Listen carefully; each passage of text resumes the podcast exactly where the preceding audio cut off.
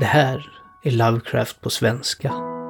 En podd där jag, Fredrik Johansson, läser in mina egna översättningar av skräckförfattaren H.P. Lovecrafts berättelser. Vi börjar från början i den ordning de skrevs och fokus ligger på de berättelser med kopplingar till Cthulhu-mytologin. Men det kan smita med andra saker också. En stående varning om de här berättelserna är att de stundtals innehåller rasistiskt och förlegat språkbruk. Mer om mina tankar kring detta finns att läsa på poddens hemsida. Dagens avsnitt är Råttorna i väggarna från 1923. Formen för den typiskt Lovecraftianska berättelsen faller nu på plats. Ett bortglömt arv från en gammal familj, det gamla ödestyngda godset och slutligen gruppen med lärda män som söker de svar som borde få vara obesvarade. Protagonisten har också lite emotionellt djup här i och med relationen till sin son. Det nämns väldigt kort, men är en viktig byggsten i berättande som tyvärr allt för ofta saknas hos Lovecraft.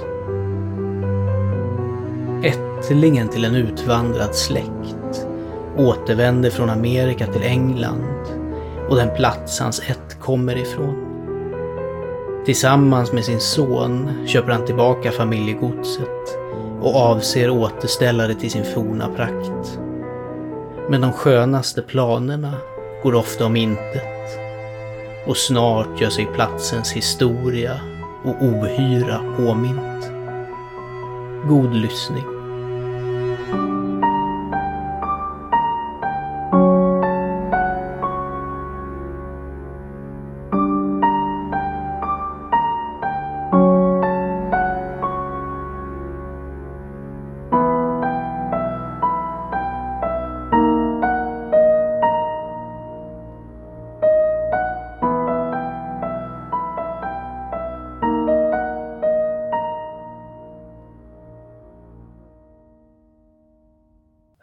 Råttorna i väggarna.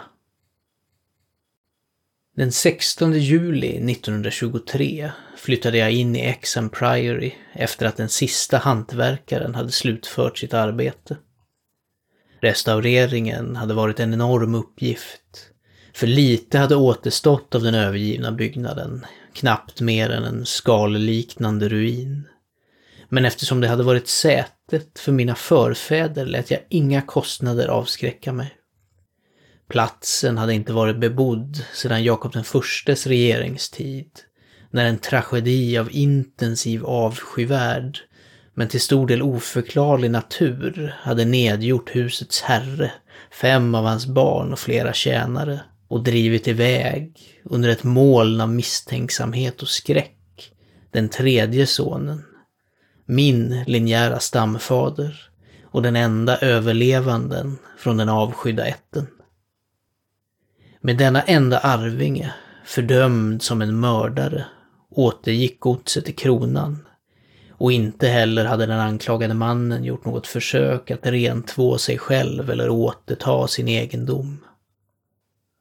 Omskakad av någon fasa som var större än samvetet eller lagen och besatt endast av en desperat önskan att utesluta den antika byggnaden från hans syn och minne, flydde Walter Delapour, den elfte baronen av Exham, till Virginia och grundade där familjen som vid nästa århundrade hade blivit känd som Delapour.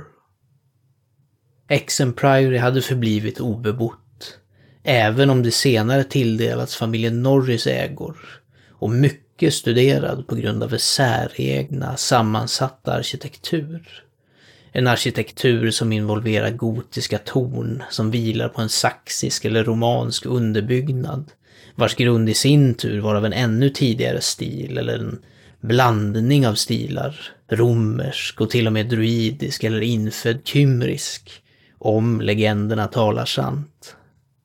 Denna grund var en mycket speciell sak som på ena sidan sammanfogades med den fasta kalkstenen i branten, från vars kant klostret hade utsikt över en ödslig dal fem kilometer väster om byn Anchester. Arkitekter och antikvarier älskar att undersöka denna märkliga relik från bortglömda århundraden. Men lokalbefolkningen hatade den. De hade hatat den hundratals år tidigare, när mina förfäder bodde där. Och de hatade den nu, med övergivenhetens mossa och mögel på den. Jag hade inte varit en dag i Anchester innan jag visste att jag kom från ett förbannat hus. Och den här veckan har arbetare sprängt Exen Priory och är upptagna med att utplåna spåren av dess grund. Den rena statistiken om min släkt hade jag alltid känt till, tillsammans med det faktum att min första amerikanska förfader hade kommit till kolonien under märkliga omständigheter. När det gäller detaljer hade jag dock hållits helt okunnig genom den återhållsamma policy som alltid upprätthölls av Delapores. Till skillnad från våra plantagegrannar så skröt vi sällan om korstågsförfäder eller andra medeltids eller renässanshjältar. Inte heller ärvdes någon sorts tradition Utom det som kan ha antecknats i det förseglade kuvert som varje godsägare innan inbördeskriget lämnade till sin äldste son för postymöppning. De äror vi värnade om var de som uppnåtts sedan migrationen.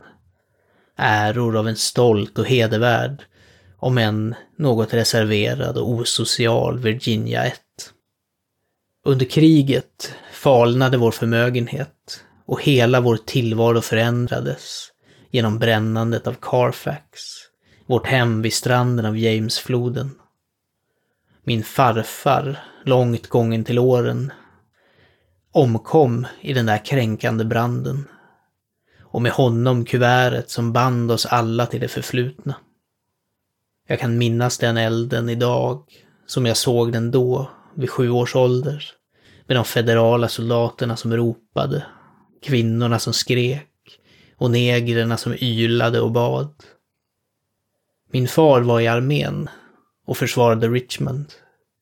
Och efter många formaliteter fördes min mor och jag igenom linjerna för att förenas med honom. När kriget slutade flyttade vi alla norrut, varifrån min mor hade kommit. Och jag växte upp till man, medelålder och blev slutligen förmögen som en envis jänkare. Varken min far eller jag visste någonsin vad vårt ärftliga kuvert hade innehållit. Och när jag smälte in i det gråa Massachusetts affärsliv tappade jag allt intresse för mysterierna som tydligen lurade långt tillbaka i mitt släktträd. Hade jag misstänkt dess natur skulle jag gladeligen ha lämnat Exen Priory dess mossa, fladdermöss och spindelväv. Min far dog 1904. Men utan att lämna något meddelande till mig eller till mitt enda barn, Alfred, en moderlös pojke på tio år. Det var den här pojken som vände ordningen i flödet av familjens uppgifter. För även om jag bara hade gett honom skämtsamma gissningar om det förflutna, så skrev han till mig om några mycket intressanta nedärvda legender när det sena kriget tog honom till England 1917 som en flygofficer. Tydligen hade Delapores en färgstark och möjligen grym historia. För en vän till min son, kapten Edward Norris vid Kungliga flygvapnet, bodde nära familjesätet i Anchester och berättade om några av böndernas vidskepelser som få författare kunde överträffa i vildhet och otrolighet. Norris själv tog dem inte på allvar såklart, men de roade min son och gav gott innehåll i hans brev till mig. Det var dessa legender som definitivt vände min uppmärksamhet mot mitt transatlantiska arv och gjorde mig beslutsam att köpa och återställa familjesätet som Norris hade visat Alfred i dess pittoreska övergivenhet och erbjöd sig att skaffa den åt honom för en överraskande resonlig summa, eftersom hans egen farbror var den nuvarande ägaren. Jag köpte Exen 1918, men blev nästan omedelbart distraherad från mina restaureringsplaner. då min son återvände som en lemläst invalid. Under de två år han levde tänkte jag inte på någonting annat än hans vård och hade lämnat över styret av mina affärer till kompanjoner.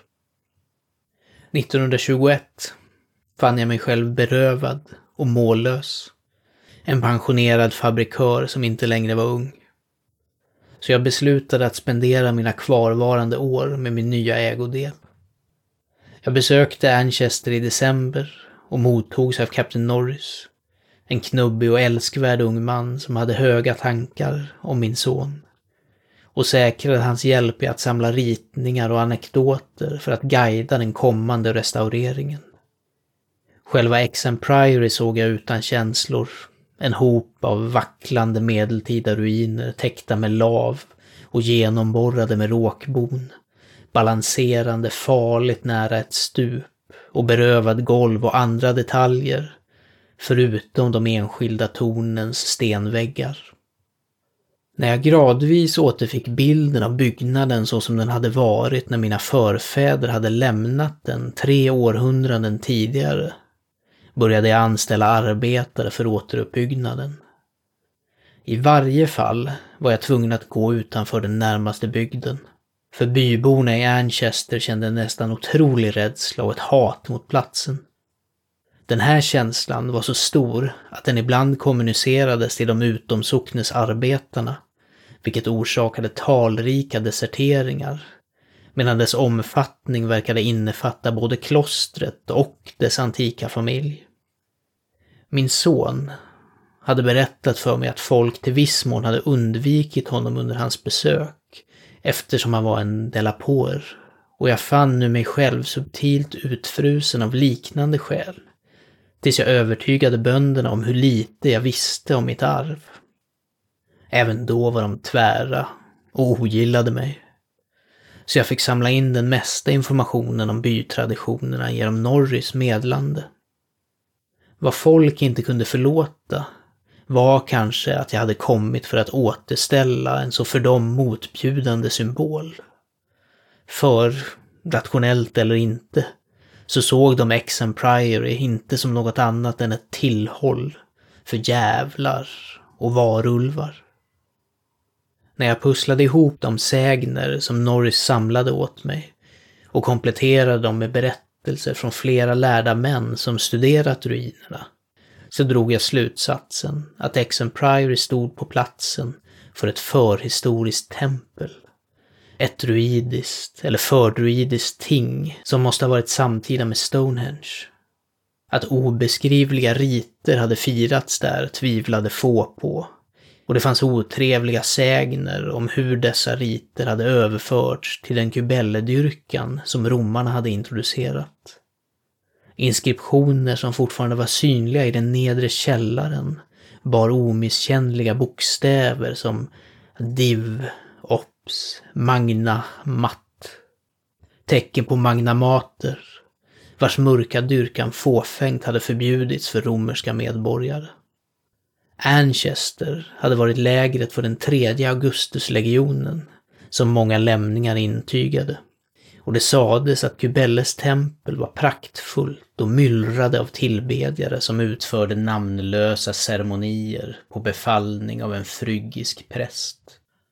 Sägne tillade att den gamla religionens fall inte innebar slutet för orgierna i templet, utan att prästerna levde vidare i den nya tron utan någon större ändring. Likaså sades det att riterna inte försvann med romarna och att det säkerligen av saxarna byggdes till på vad som återstod av templet och gav den väsentliga kontur den sedan bevarade och gjorde den till centrumet för en kult fruktad genom halva heptarkin.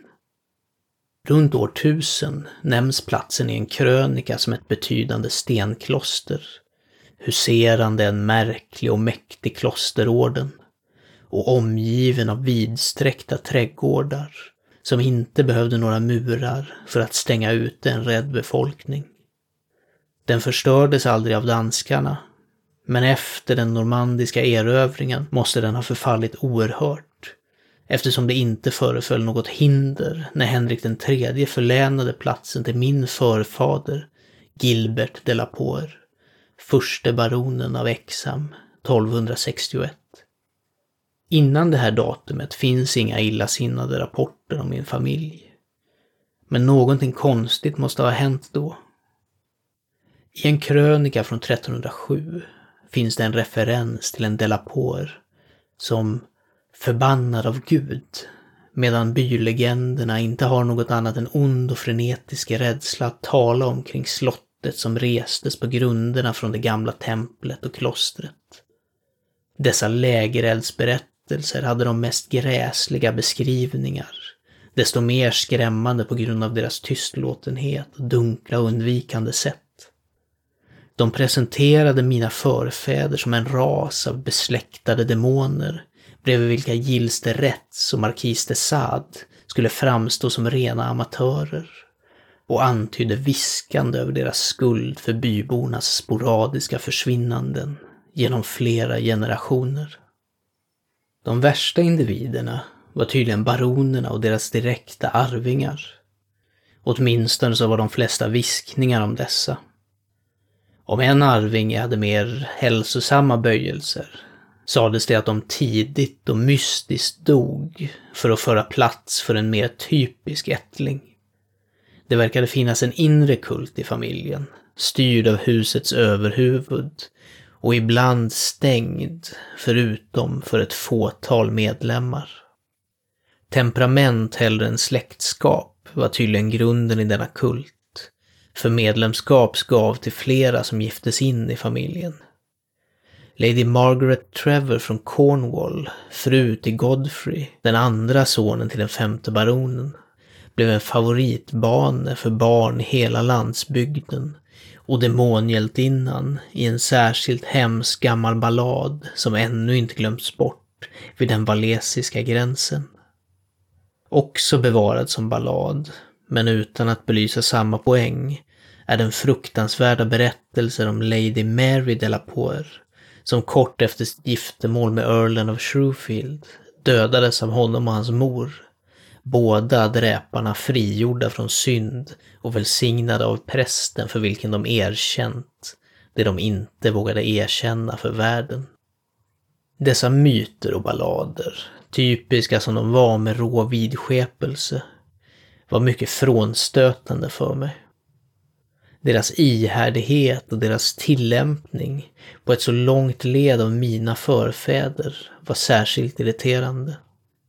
Medan dess beskyllning av monstruösa vanor gjorde mig otrevligt påmind en känd skandal från en av mina närmare förfäder. Fallet med min kusin, unge Randolph de la Porre av Carfax, som gick bland negrerna och blev en voodoo-präst efter sin återkomst från det mexikanska kriget. Jag var mycket mindre störd av de vagare berättelserna om tjut och ylanden i den karga och vindpinande dalen under kalkstensklippan. Om gravstanken efter vårregnet. Om den sprattlande, tjutande vita sak som Sir John Claves häst hade trampat på en natt på ett ensligt fält och om den tjänare som hade blivit galen av det han såg i klostret i fullt dagsljus. Dessa saker var banala spökhistorier och jag var vid den tiden en uttalad skeptiker. Berättelsen om försvunna bönder var svårare att avfärda, men inte särskilt betydelsefulla med tanke på medeltida seder. Snokande nyfikenhet innebar död och mer än ett kapat huvud hade öppet visats på murkrönen, nu utplånade, runt Exham Priory.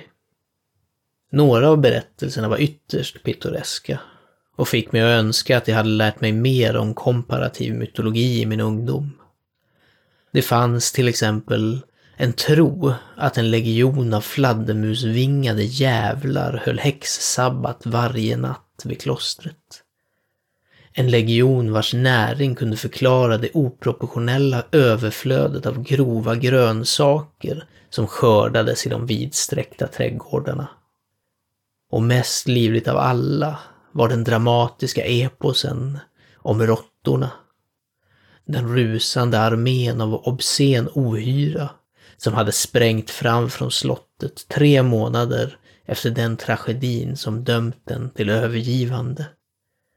Den magra, smutsiga, utsvultna armé vilken hade svept upp allt framför sig och slukat höns, katter, hundar, svin, får och även två olyckliga människor innan dess raseri var spenderat. Kring den oförglömliga gnagararmén kretsade en helt separat cirkel av myter. För den splittrade hem bland byborna och förde med sig förbannelser och fasor i sitt spår. Sådan var den kunskap som anföll mig när jag kämpade för slutförandet med den gamles envishet av arbetet med att restaurera mitt släkthem. Det ska inte antas, ens för ett ögonblick, att dessa berättelser på något sätt formade min principiella psykologiska miljö. Å andra sidan var jag konstant berömd och uppmuntrad av Kapten Norris och antikvarierna som omgav och hjälpte mig. När uppgiften var klar, över två år efter dess inledande, såg jag de stora rummen, panelklädda väggar, de välvda taken, spröjsade fönstren och breda trapporna med en stolthet som till fullo kompenserade för restaureringens enorma kostnad. De medeltida detaljerna hade listigt reproducerats och de nya delarna smälte in perfekt med de ursprungliga väggarna och grunderna. Mina fäders säte var återställt och jag såg fram emot att upphäva den sista lokala ryktbarheten för min ett, som slutade med mig. Jag skulle bo här permanent och bevisa att en Delapoer, för jag hade återtagit den ursprungliga stavningen av namnet, inte behövde vara en djävul. Min komfort var kanske förstärkt av det faktum att även om XM Priory var medeltida rustat, så var dess inre i själva verket helt nytt och fritt från både gammal ohyra och gamla spöken. Som jag har sagt, jag flyttade in den 16 juli 1923. Mitt hushåll bestod av sju tjänare och nio katter, av vilken den senare sorten jag är mycket förtjust i. Min äldsta katt, Niggerman, var sju år gammal och hade följt mig från mitt hem i Bolton, Massachusetts de andra hade jag samlat på mig medan jag bodde hos kapten Norris familj under restaureringen av klostret. Under fem dagar löpte vår rutin på ytterst fridfullt. Min tid ägnades mest åt kodifiering av gamla familjeuppgifter. Jag hade nu erhållit några mycket indikerande redogörelser om den slutliga tragedin och flykten av Walter de la Poer, vilket jag förmodade var det troliga innehållet i den nedärvda pappan papper som förlorades i branden på Carfax. Det verkade som att min förfader var anklagad av tunga skäl till att ha dödat alla andra medlemmar i hans hushåll, förutom fyra förbundstjänare, i sömnen, ungefär två veckor efter att en chockerande upptäckt hade ändrat hela hans sätt, men vilken, förutom i antydningar, han aldrig avslöjade för någon Förutom möjligen för tjänarna som assisterade honom och som efteråt flydde utom räckhåll. Den här avsiktliga slakten, som inkluderade en far, tre bröder och två systrar, hade byborna i stort överseende med och hanterades så slappt av lagen att dess förövare flydde med äran i behåll, oskadda och oförklädda, till Virginia den allmänna viskande känslan var att han hade renat landet från en urminnes förbannelse. Vilken upptäckt som hade föranlett en så fruktansvärd handling kunde jag knappt gissa. Walter de la Poer måste i åratal ha känt till de grymma berättelserna om hans familj. Så detta material kunde inte ha gett honom någon ny impuls. Hade han då bevittnat någon skrämmande forntida ritual eller snubblat över någon skrämmande och avslöjande symbol i klostret eller dess närhet. Han var känd för att ha varit en blyg, mild ungdom i England. I Virginia hade han inte verkat så hård eller bitter, utan snarare plågad och orolig. Han talade som i dagboken från en annan gentlemannaäventyrare, Francis Harley från Bellevue. En man med exemplariskt sinne för rättvisa, ära och fin känsla. Den 22 juli inträffade den första incidenten, vilken, även om den lätt avfärdades vid tillfället, antar en övernaturlig betydelse i relation till senare händelser. Det var så simpelt att det nästan var försumbart och det var inte möjligt att notera det under omständigheterna. För det måste påminnas att eftersom jag var i en byggnad i stort sett ren och ny, förutom murarna, och omgiven av en väl balanserad personal av tjänare, så skulle oro vara absurd trots platsen. Vad jag efteråt minns är endast detta. Att min gamla svarta katt, vars lynne jag kände så väl, var otvivelaktigt alert och ängslig till en grad helt utanför hans naturliga karaktär. Han strövade från rum till rum, rastlös och störd och sniffade konstant på väggarna, vilka utgjorde en del av den gamla gotiska strukturen. Jag inser hur banalt det låter. Som den oundvikliga hunden i spökhistorien, som alltid morrar innan dess husse ser den lakansklädda figuren. Men jag kan inte varaktigt förtrycka det. Följande dag klagade en tjänare över en rastlöshet bland husets alla katter. Han kom till mig i mitt arbetsrum. Ett rum med högt tak i den västra delen på andra våningen med ett kryssvalv, svarta ekpaneler och ett tredelat gotiskt fönster med utsikt över kalkstensklippan och den ödsliga dalen. Och även när han talade såg jag Niggermans svarta kropp krypa längs med den västra muren och klösa på de nya panelerna som täckte den antika stenen. Jag sa till mannen att det måste vara någon egendomlig odör eller utströmning från det gamla murverket, omärkbart för mänskliga sinnen, men som påverkade katternas känsliga organ även genom de nya snickerierna. Det här trodde jag i sanning på, och när karn föreslog närvaron av möss, eller råttor, nämnde jag att det har inte funnits några råttor där under 300 år och att skogsmössen från det omkringliggande landskapet knappast kunde finnas i dessa höga murar, dit de aldrig strövade vad det var känt. Den eftermiddagen talade jag med kapten Norris och han försäkrade mig att det skulle vara ganska osannolikt att skogsmöss skulle angripa klostret på ett sådant plötsligt och oväntat sätt. Den natten drog jag mig tillbaka, som vanligt utan betjänt, till den västra tornkammaren jag hade valt som min egen, vilken nåddes från arbetsrummet via en stentrappa och ett kort galleri. Den förra delvis antik, den senare helt restaurerad. Detta rum var cirkulärt, mycket högt och utan brädfodring och behängd med gobelänger som jag hade valt själv i London.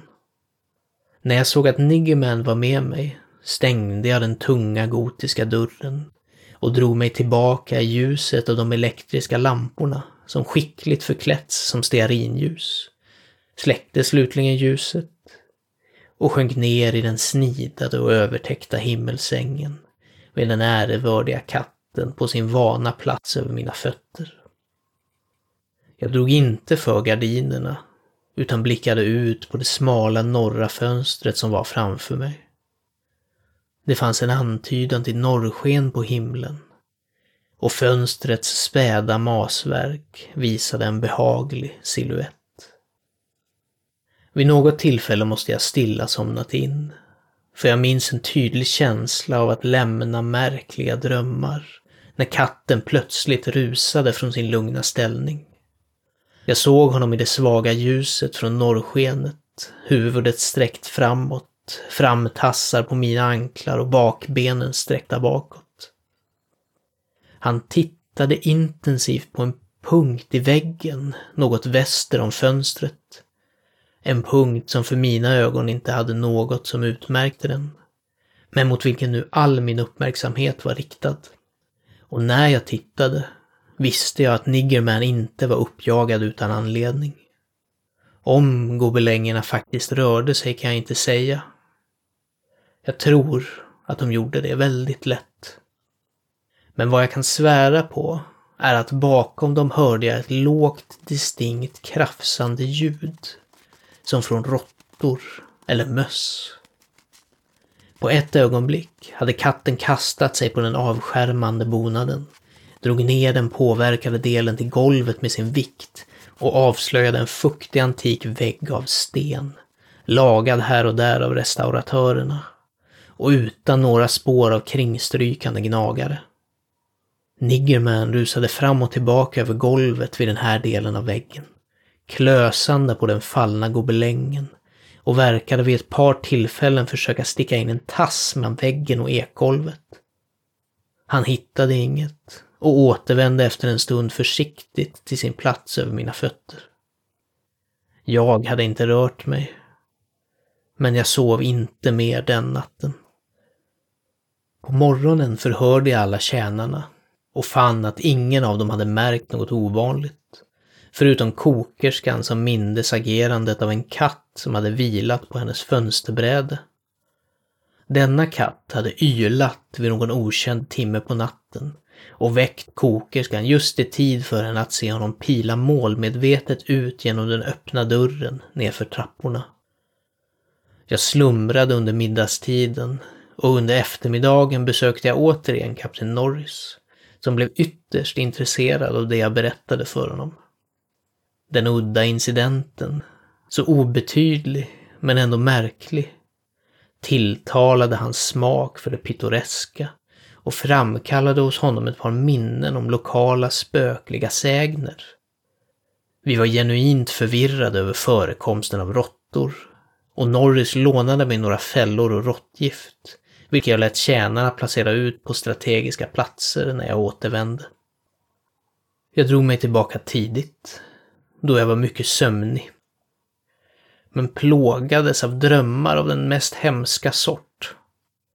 Jag verkade se ner från en oerhörd höjd på en skymningsbelyst grotta, knädjup med smuts, där en vitskäggig demonisk svinaherde drev med sin stav en flock av svampaktiga, sladdriga bestar, vars utseende fyllde mig med outtryckligt förakt. Då, när svinaherden stannade och nickade över sitt verk, regnade en enorm svärm med råttor ner i den stinkande avgrunden och slukade i fallet bestar och mannen båda. Från den här fruktansvärda visionen väcktes jag abrupt av Niggermans rörelser, där han som vanligt sov över mina fötter. Den här gången behövde jag inte fundera över källan till hans morrande och väsande och den rädsla som fick honom att sänka sina klor i min ankel, omedveten om dess verkan. För på varje sida i kammaren var väggarna levande med vämjeliga ljud. Det gnagande slingrandet av utsvultna gigantiska råttor.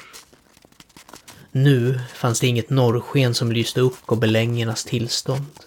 Den fallna delen hade blivit ersatt, men jag var inte för rädd för att slå på ljuset.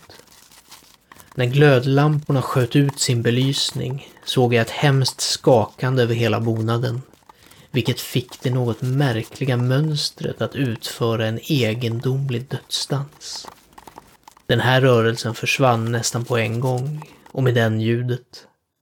Hoppandes ut ur sängen stack jag gobelängerna med det långa handtaget från en sängvärmare som låg i närheten och lyfte upp en sektion för att se vad som fanns under. Det var inget där, förutom den lagade stenväggen. Och även katten hade tappat sin spända insikt av den abnormala närvaron. När jag undersökte den cirkulära fällan som hade placerats i rummet fann jag att alla öppningar hade slagit igen. Fast inte ett spår fanns kvar av vad som nu hade fångats och flytt. Ytterligare sömn kom inte på fråga. Så med ett tänt ljus öppnade jag dörren och gick ut i galleriet mot trappan till mitt arbetsrum. Niggerman följandes mig runt mina fötter. Men innan vi hade nått trappstegen pilade katten fram framför mig och försvann nerför den antika trappan. När jag gick ner för trappan själv blev jag plötsligt medveten om ljud från det stora rummet under. Ljud av en sort som inte kunde misstas. De ekpanelsklädda väggarna var fyllda av råttor som sprang och fräste medan Niggerman rusade runt med raseriet hos en förvirrad jägare. När jag nådde botten slog jag på ljuset, vilket den här gången inte fick ljudet att avta. Råttorna fortsatte sitt tumult, rusande med en sådan kraft och distinktion att jag till slut definitivt kunde avgöra vilken riktning de rörde sig åt. Dessa varelser, vars antal verkade outtömliga, var engagerade i en häpnadsväckande migrering från ofattbara höjder till något djupt, tänkbart eller otänkbart där nere.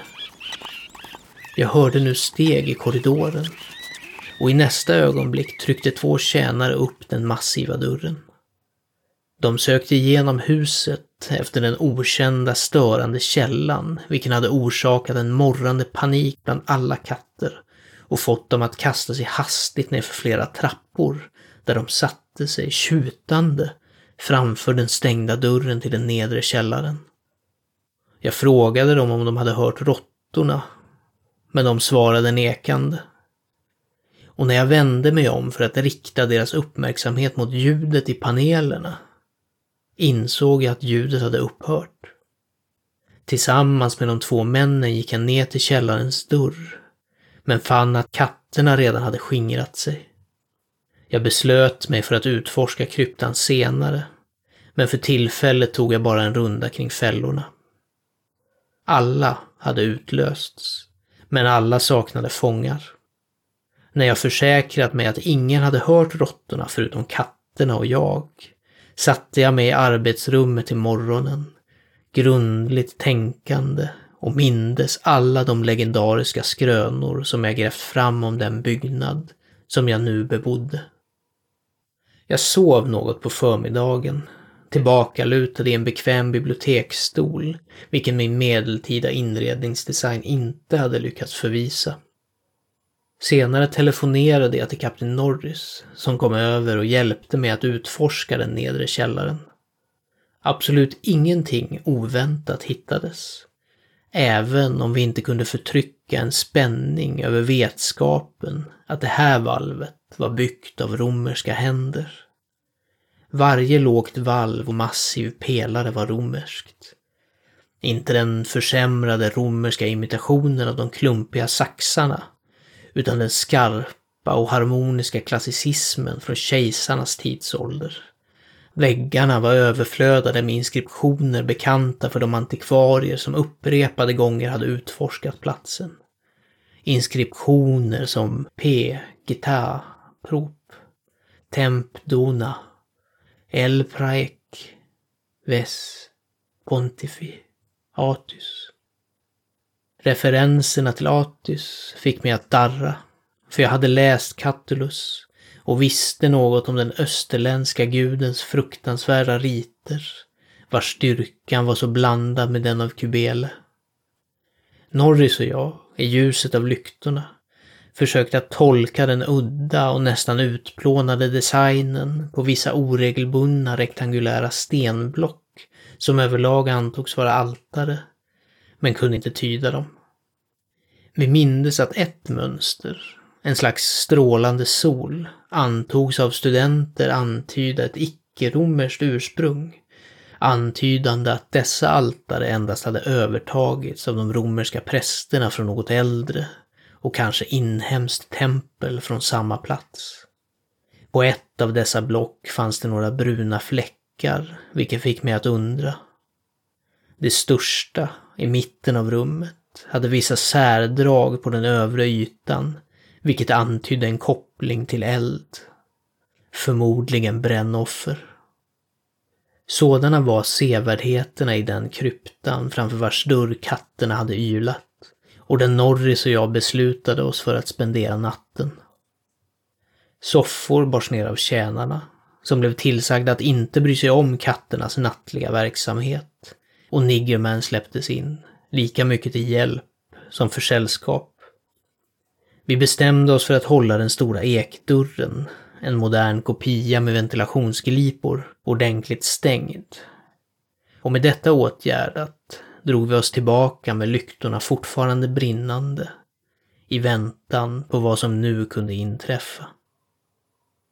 Valvet var väldigt djupt under klostrets grund och otvivelaktigt långt under ytan på den utskjutande kalkstensklippan som såg ut över den vidsträckta dalen. Att den hade varit målet för de rusande och oförklarliga råttorna kunde jag inte betvivla. Men varför kunde jag inte säga. När vi låg där förväntansfulla fann jag att min vaka stundtals blandades med halvformade drömmar från vilka kattens oroliga rörelser över mina fötter väckte mig. Dessa drömmar var inte behagliga, utan fruktansvärda, som den jag hade haft natten innan. Återigen såg jag skymningsgrottan och svinaherden med sina onämnbara svampiga bestar vältrandes i smutsen.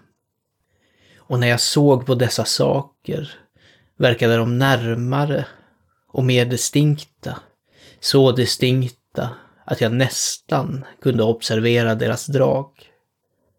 Sedan observerade jag de sladdriga dragen hos en av dem och vaknade med ett sånt skrik att Niggerman sprang iväg medan Kapten Norris, som inte sovit, skrattade ordentligt. Norris kunde ha skrattat mer. Eller kanske mindre. Om han hade vetat vad det var som fick mig att skrika. Men jag mindes det inte själv. Förrän senare. Ultimatskräck paralyserar ofta minnet på ett barmhärtigt sätt. Norris väckte mig när fenomenet började. Ut ur samma fruktansvärda dröm kallades jag av hans försiktiga skakningar och hans uppmaning att lyssna på katterna. Sannerligen, det fanns mycket att lyssna på. För bortom den stängda dörren, vid början av stentrapporna, hördes en veritabel mardröm av kattskrik och klösanden.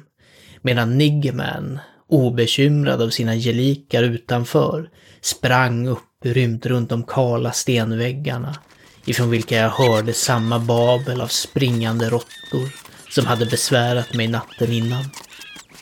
En häftig skräck steg nu inom mig. För här fanns anomalier som inget normalt kunde förklara. Dessa råttor, om de inte var varelser av en galenskap som jag delade med enbart katterna, måste gräva och glida i romerska väggar som jag hade trott vara fasta kalkstensblock. Såvida kanske inte vattnets påverkan genom mer än 17 århundraden hade ätit slingrande tunnlar som gnagarkropparna hade rensat ur, rena och rymliga. Men även så, så var den spektrala fasan inte mindre. För om detta var levande ohyra varför hörde inte Norris deras vidriga tumult? Varför uppmanade han mig att titta på Niggerman och lyssna på katterna utanför? Och varför gissade han vilt och vagt på vad som kunde ha hetsat upp dem? När jag till slut lyckades berätta för honom, så rationellt som jag kunde, vad jag trodde mig höra, nåddes mina öron av det sista avmattande ljudet från rusandet vilket hade fortsatt att retirera än mer neråt, långt under den djupaste källaren, tills det verkade som att hela klippan under oss var full av sökande råttor. Norris var inte så skeptisk som jag hade förväntat mig, men verkade istället djupt rörd. Han tecknade åt mig att uppmärksamma att katterna vid dörren hade upphört med sitt skrålande, som om de gett upp råttorna som förlorade medan Niggerman hade ett utbrott av förnyad rastlöshet och klöste frenetiskt runt botten av det stora stenaltaret i mitten av rummet, vilken var närmare Norris soffa än min. Min rädsla för det okända var vid det här tillfället mycket stort. Något häpnadsväckande hade inträffat och jag såg att kapten Norris, En yngre, kraftigare och förmodligen en mer naturligt materialistisk man påverkades lika mycket som jag själv. Kanske på grund av hans livslånga och intima förtrogenhet med de lokala legenderna. Vi kunde för tillfället inte göra någonting, förutom att titta på den gamla svarta katten när han trampade med avtagande intensitet vid basen av altaret. Stundtals tittande och jamande mot mig på det där övertygande sättet som han använde när han önskade att jag skulle utföra någon tjänst för honom. Nu tog Norris en lampa nära altaret och undersökte platsen där Niggeman trampade. Tyst knäböjde han och skrapade bort århundradens tillväxt av lav som förenade det massiva förromerska blocket till det mosaikklädda golvet. Han fann ingenting och var just på väg att överge sitt försök när jag noterade en trivial omständighet som fick mig att darra. Även om det inte antydde något som jag inte redan föreställt mig. Jag berättade för honom om det. Och vi såg båda på den nästan omärkliga manifestationen med en fixering av fascinerad upptäckt och tillkännagivelse. Det var endast detta. Att lyktans låga som satts ner nära altaret lätt men tydligt fladdrade från ett luftdrag, vilket den inte tidigare hade rörts av och som otvivelaktigt kom från skrevan mellan golvet och altaret där Norris hade skrapat bort laven. Vi spenderade resten av natten i det ordentligt upplysta arbetsrummet, nervöst diskuterande vad vi skulle göra härnäst. Upptäckten att ett valv som låg djupare än de djupaste kända romerska murverken under den där förbannade högen. Ett valv oupptäckt av de nyfikna antikvarierna under tre århundraden hade varit tillräckligt för att upphetsa oss även utan den olycksbådande bakgrunden. Som det var så blev fascinationen tvådelad och när vi pausade i tvivel om huruvida vi skulle överge vårt sökande och lämna klostret för alltid i vidskeplig försiktighet, eller om vi skulle tillfredsställa vår känsla för äventyr och modigt möta de fasor som kunde vänta oss i det okända djupet.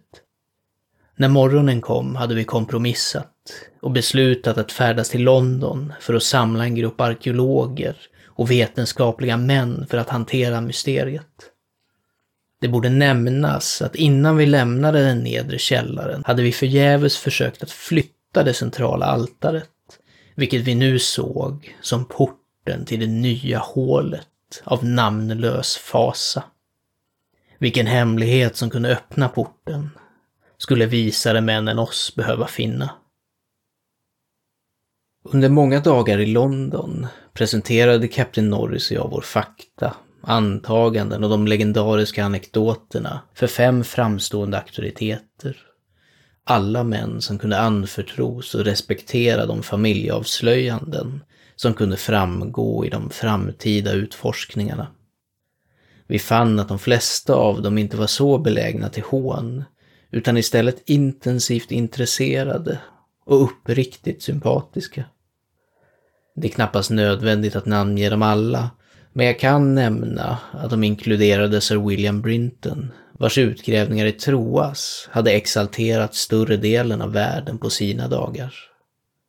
När vi alla tog tåget till Anchester kände jag att jag stod på randen till skrämmande avslöjanden en känsla som symboliserades i den sorg som fanns hos många amerikaner på grund av presidentens död på andra sidan världen.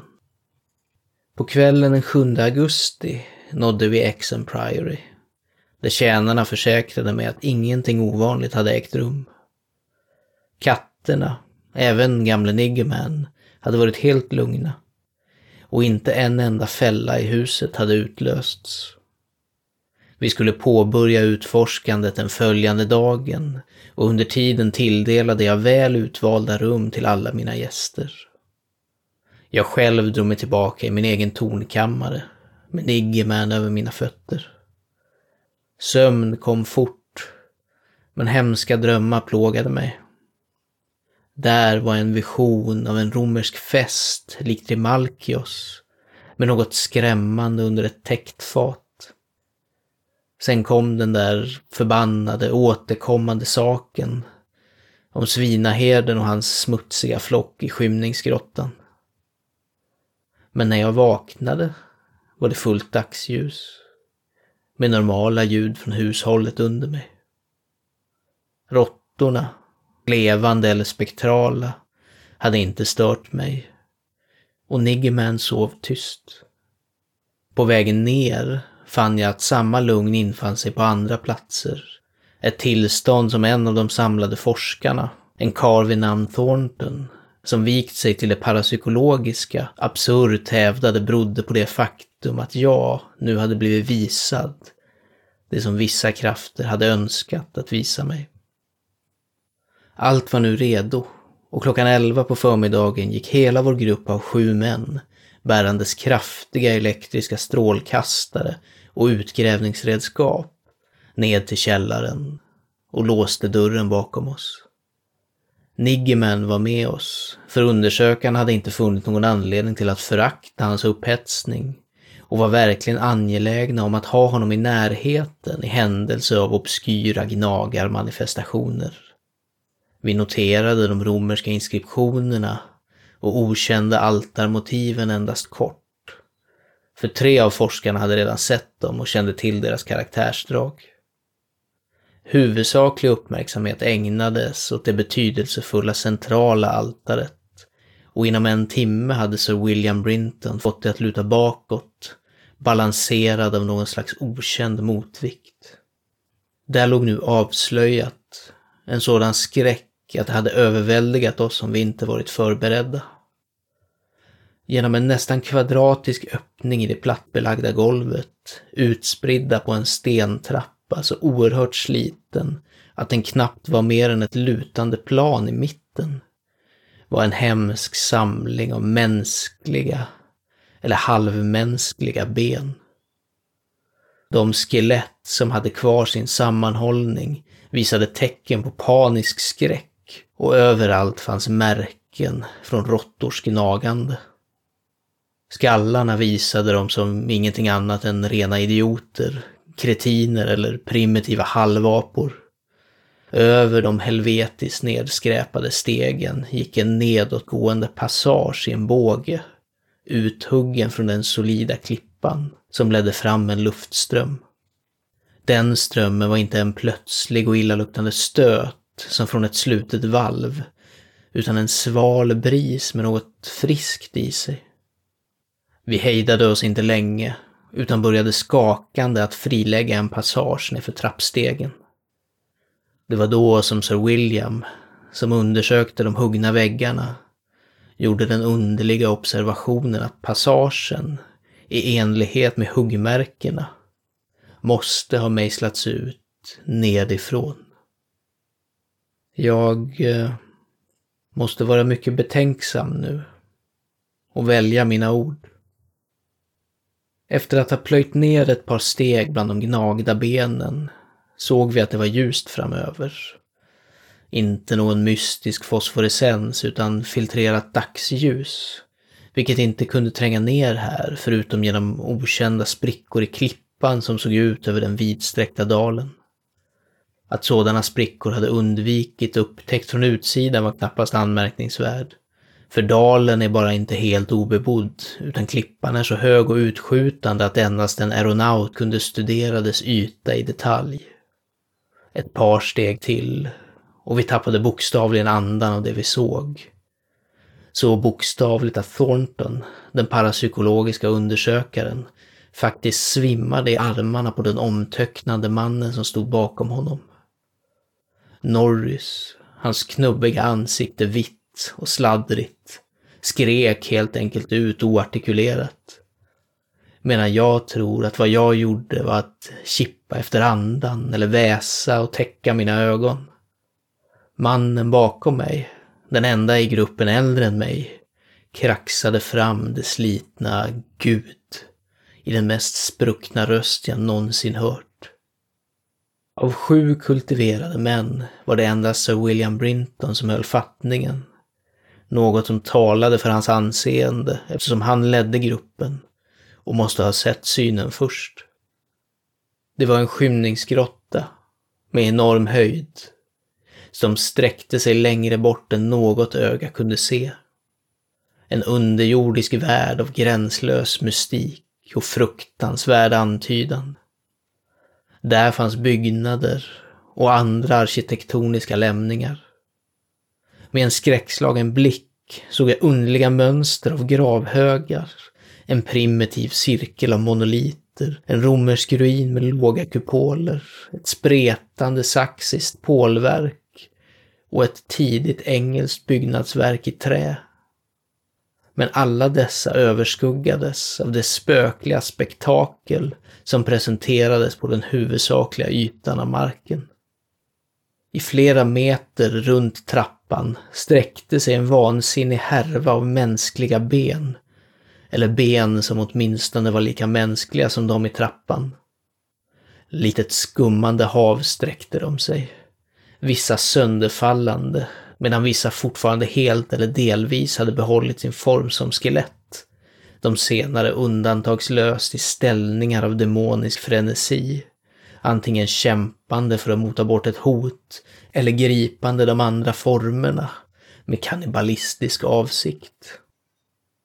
När Dr. Trask, antropologen, böjde sig ner för att klassificera skallarna fann han en degraderad blandning som förbryllade honom fullständigt.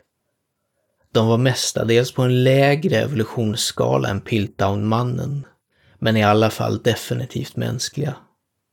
Många var av en högre grad och väldigt få var de skallar av överlägsna och känslomässigt utvecklade typer.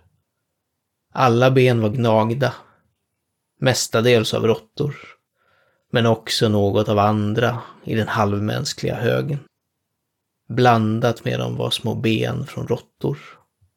Fallna medlemmar av den dödliga armén som avslutat det antika eposet. Jag förundras över att någon av oss överlevde och behöll sin sans genom den hemska upptäcktens dag. Varken Hoffman eller Heismans kunde ha frambringat en scen med sådan vild sanslöshet, mer frenetiskt avvisande eller mer gotiskt groteskt än den skymningsgrottan genom vilken vi sju stapplade, var och en snubblande över uppenbarelse på uppenbarelse och försökte vid tillfället att inte tänka på de händelser som måste ha ägt rum där för 300 år sedan, eller tusen, eller 2000 eller 10 000 år sedan. Det var förkammaren till helvetet och stackars Thornton svimmade igen när Trask berättade för honom att vissa av skelettsakerna måste ha avlats som fyrfotingar i de sista 20 eller tidigare generationerna. Skräck hopades på skräck när vi fortsatte att tolka de arkitektoniska lämningarna. De fyrfota sakerna med den då och då enstaka medlemmen från det tvåbenta slaget hade hållits inhägnader av sten från vilka de måste ha brutit sig ut i det sista steget av delerisk hunger eller av fruktan för råttorna. Det hade funnits stora flockar av dem, uppenbarligen gödda på de grova grönsaker vars rester kunde hittas som ett slags giftigt ensilage i botten av enorma stenkärl som var äldre än Rom. Jag visste nu varför mina förfäder hade haft så överflödiga trädgårdar. Om himlen kunde låta mig glömma. Syftet med flockarna behövde jag inte fundera över. Sir William, stående med sin strålkastare i den romerska ruinen, översatte högt den mest chockerande ritual jag någonsin hört om och berättade om dieten i den antediluvianska kulten, vilken Kubeles präster grundat och blandat med sin egen. Norris, även van som han var vid skyttegravar, kunde inte gå rakt när han kom ut från den engelska byggnaden. Det var ett slakteri och kök. Han hade förväntat sig det. Men det var för mycket att se bekanta engelska redskap på en sådan plats och att läsa bekant engelsk graffiti där, några så sent som 1610. Jag kunde inte gå in i den byggnaden. Den byggnaden vars demoniska aktiviteter endast stoppades av den dolk som hölls av min förfader, Walter de la Poer. Det jag vågade gå in i var den låga saxiska byggnaden, vars ekdörr hade ramlat av och där jag fann en fruktansvärd rad av tio stenceller med rostiga galler. Tre hade fängelsekunder, alla skelett av högerklass. Och på det beniga pekfingret på en av dem fann jag en sigillring med min egen vapensköld. Sir William fann ett valv med betydligt äldre celler under det romerska kapellet. Men dessa celler var tomma. Under dem fanns en låg krypta med kistor innehållande formellt arrangerade ben. Vissa av dem är fruktansvärda parallella inskriptioner ristade på latin, grekiska och den frygiska tungan. Under tiden hade Dr. Trask öppnat en av de förhistoriska gravhögarna och tagit fram skallar i ljuset som var knappt mer mänskliga än en gorillas. Och vilka bar obeskrivliga ideografiska ristningar. Genom all den här skräcken smög min katt oberörd. En gång såg jag honom monstruöst balanserande på toppen av ett berg med ben och undrade vilka hemligheter som kunde ligga bakom hans gula ögon. Efter att i viss mån ha greppat de fruktansvärda avslöjandena på den här skymningsplatsen, en plats ohyggligt förebådad av min återkommande dröm, vände vi oss till det till synes gränslösa djupet i midnattgrottan som ingen ljusstråle från klippan kunde penetrera. Vi ska aldrig känna till vilka blinda styggiska världar som gapar bortom den korta distans vi gick. För det blev bestämt att sådana hemligheter inte är bra för mänskligheten. Men det fanns mycket som fängslade oss nära till hands. För vi hade inte kommit långt innan strålkastarna visade den förbannade oändligheten av hålor i vilka råttor hon hade festat.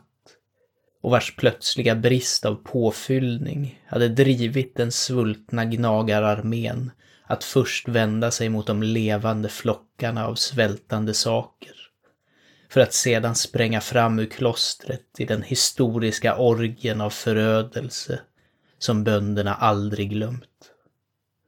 Gud, dessa svarta kadaverhål av sågade, plockade ben och öppnade skallar. Dessa mardrömsavgrunder fyllda med pitikantropida, keltiska, romerska och engelska ben från oräkneliga ohelgade århundraden. Vissa av dem var fulla och ingen kan säga hur djupa de en gång hade varit. Andra var bottenlösa, trots våra strålkastare, och befolkad av onämnbara fantasier.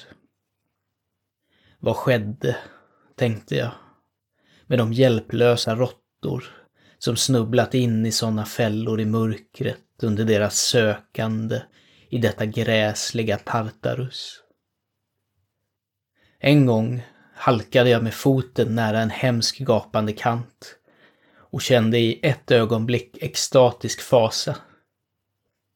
Jag måste ha dagdrömt en lång tid, för jag kunde inte se någon i gruppen, förutom den knubbige kapten Norris. Då kom det ett ljud från det bläcksvarta, gränslösa, långa avståndet som jag tyckte mig känna igen. Och jag såg min gamla svarta katt pila förbi mig likt en bevingad egyptisk gud, rakt in i det okändas obegränsade bukt. Men jag var inte långt efter, för det fanns ingen tvivel efter en sekund. Det var det underjordiska rusandet från de djävulsfödda råttorna ständigt sökande efter nya fasor och beslutsamma att leda mig in i de flinande grottorna vid jordens mitt. Den Jarlathotep, den galne ansiktslösa guden, ylar blint till pipandet från två amorfa, idiotiska flöjtspelare. Min strålkastare slocknade, men jag sprang fortfarande. Jag hörde röster och tjut och ekon, men överallt stegrade sig mjukt det ogudaktiga, lömska rusandet. Mjukt stegrande, stegrande som ett stelt svullet lik stilla flyter på en oljig flod som flödar under ändlösa onyxbroar till ett svart, ruttet hav. Något stötte emot mig. Något mjukt och fylligt. Det måste ha varit råttorna. Den flytande gelatinösa utsvultna armén som festar på de döda och de levande. Varför skulle inte råttorna äta en delapoer? Som en delapoer äter förbjudna ting. Kriget åt min pojk, förbanna dem alla. Och jänkarna åt Carfax med flammor och brände farfar Delapour och hemligheten. Nej, nej, säger jag dig, jag är inte den där demoniska svinaherden i skymningsgrottan. Det var inte Edward Norris feta ansikte på den där sladdriga, svampaktiga saken. Vem säger att jag är en Delapour? Han levde, men min pojke dog. Ska en Norris hålla en Delapours land? Det är voodoo, säger jag dig. Den där fläckiga ormen. Fan ta dig Thornton. Jag ska lära dig att svimma åt det min familj gör. Guds blod din jävel, du ska få smaka. Valdjesvinklikvis. Magna mater, magna mater. Att diagdisja doadan. Augsbas doanasot. Doanas dolasot augsletsa. Ang, ang, yeah.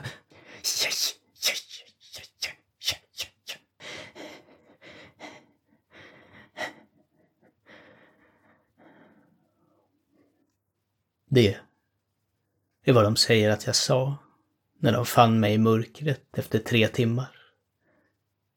Fann mig hukande över den knubbiga, halvätna Kapten Norris kropp. Med min egen katt hoppande och klösande på min hals. Nu har de sprängt Exen Priory. Tagit min niggerman ifrån mig och stängt in mig i det här tillbommade rummet i Hanwell. Med skräckfyllda viskningar om min släkt och upplevelser. Thornton är i rummet bredvid. Men de hindrar mig från att tala med honom. De försöker också att tysta ner det mesta som skett i klostret. När jag talar om stackars Norris anklagar de mig för fruktansvärda saker. Men de måste veta att jag inte gjorde det. De måste veta att det var råttorna. De slingrande, springande råttorna. Vars rusande aldrig låter mig sova. De demoniska råttorna som löper bakom väggarna i det här madresserade rummet. Och lockar mig ner till större faser än jag någonsin känt till. Råttorna. Som de aldrig kan höra. Råttorna råttorna i väggarna.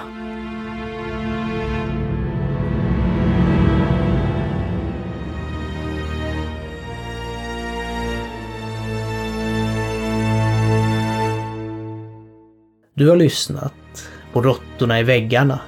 En berättelse av Howard Phillips Lovecraft som skrevs mellan augusti och september 1923 och som publicerades för första gången i mars 1924 i Weird Tales i det tredje numret av den tredje utgåvan.